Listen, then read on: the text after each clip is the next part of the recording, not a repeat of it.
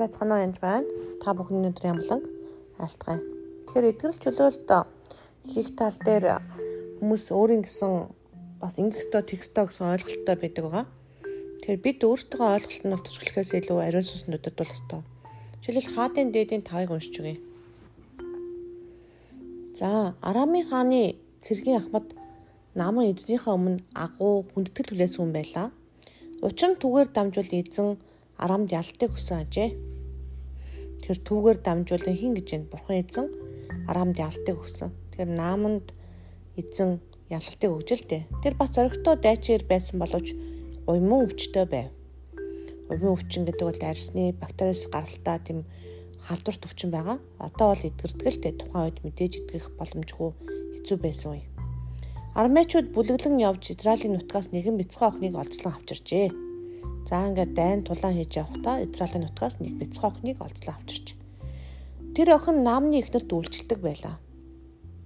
Тэрээ эзэгтэд Самар дахь хийх зүудэгчтэй эзэн минь уулзаасаа гэж би хүсэх юм. Тэгвэл тэр түүний уян өвчнийг эдгэхсэн гэв. Нааман явж эзэндээ бараалхан Израилийн нутгаас авчирсан тэр охин ингэж ингэж хэлв хэмээн айлтгав. За ингээд бос явдлаа хэлж идэх. Дараамын хаан одоо юу? Израилийн хаан загтал хэлгэх болно гэв. Наман 10 талант мөнгө 6 мөнгөн мянган алт 10 ээлжийн хувцас авч явлаа. За их баялагтай явж штэ чи идэхгүй өвчтгэн гээд өгсөн ата.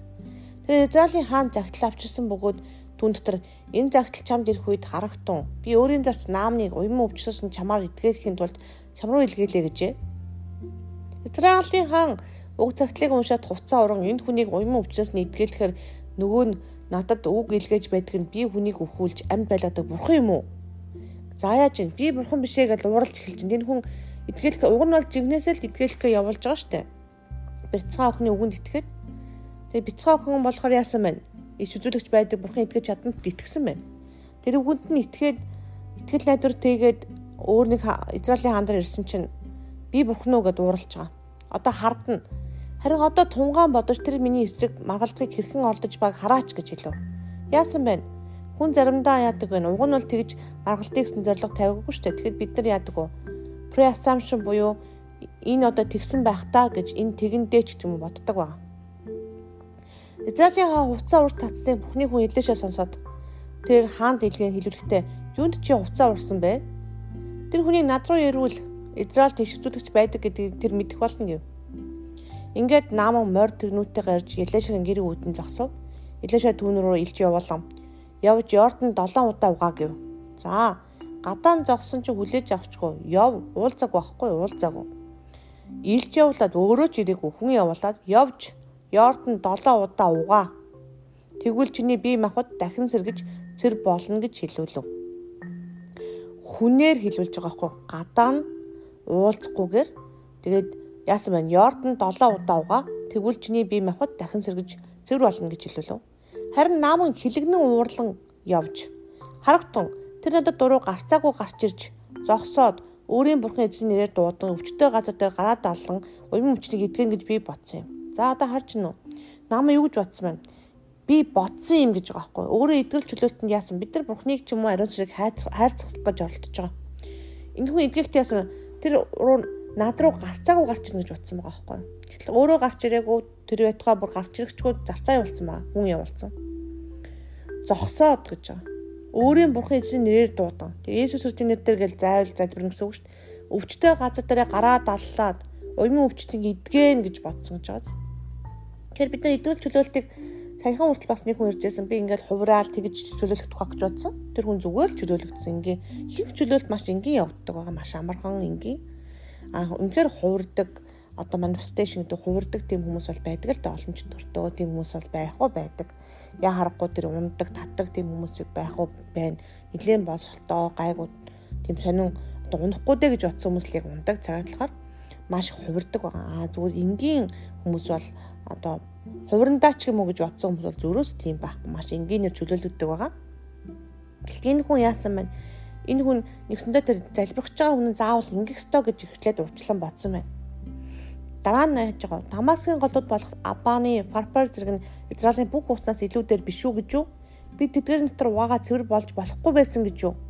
Гэв тэр эргэж ууралсаар буцав. За ингээд нөгөө чи яасан байна? Ингэх байсан, тэгх байсан гэд өөрийнхөө санаанд хүрэхгүй болохоор яасан байна? Ууралсан байна.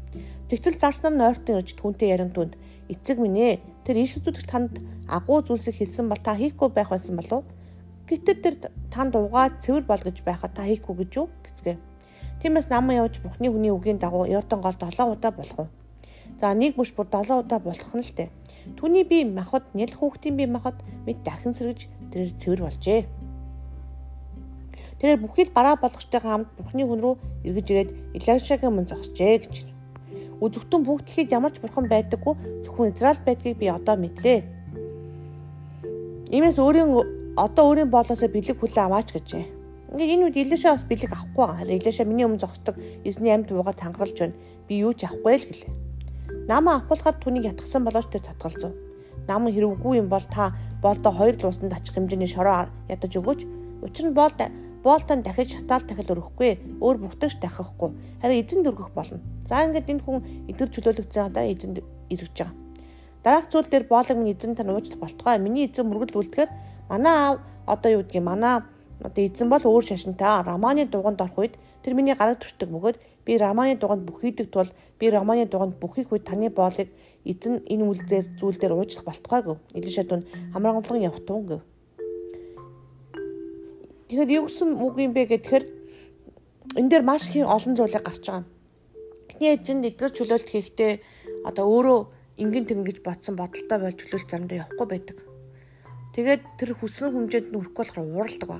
Би зарим хүнийг өө ингэ тэг гээд энгийн заавар өгдөг л дөө. Ихэнхдээ л хүмүүс хийж өрхдөг. А зарим хүмүүс ууралдаг ба. Ингэхгүй тэгхгүй гэдэл. Тэг тэгж хийлсэн хүмүүс нэтгэрдэггүй. Би зүгээр л энгийн заавар өгдөг Заримдаа би ирчүүдийн үйлдэлд долоо орж ирээрэй гэж хэлдэг.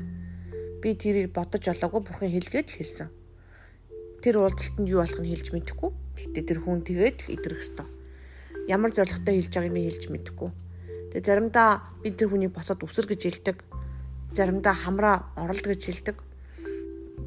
Тэгээ заримдаа зүгээр л Иесусийн нэрээр идрэхэд чөлөөлөдөг байгаа. Тэгэхээр идэвхтэй чөлөөлтөнд ямар нэгэн энгийн тэгнэ гэсэн арга байхгүй. Ариун сүнсийг л дагна. Бид даруй сүнсийг мөн Бурхныг хайрцаглах гэж оролдох үед энэ бүхэн болдоггүй байгаа. Хэн бурхан билээ гэдгийг мартаж болохгүй. Тэгээ эзэн бурхныг дагнаа. Тэгээд эдгэр чөлөлтөн дээр бити өөрийгөө хайрцаглаараа. Баярлалаа. Баяртай. thank you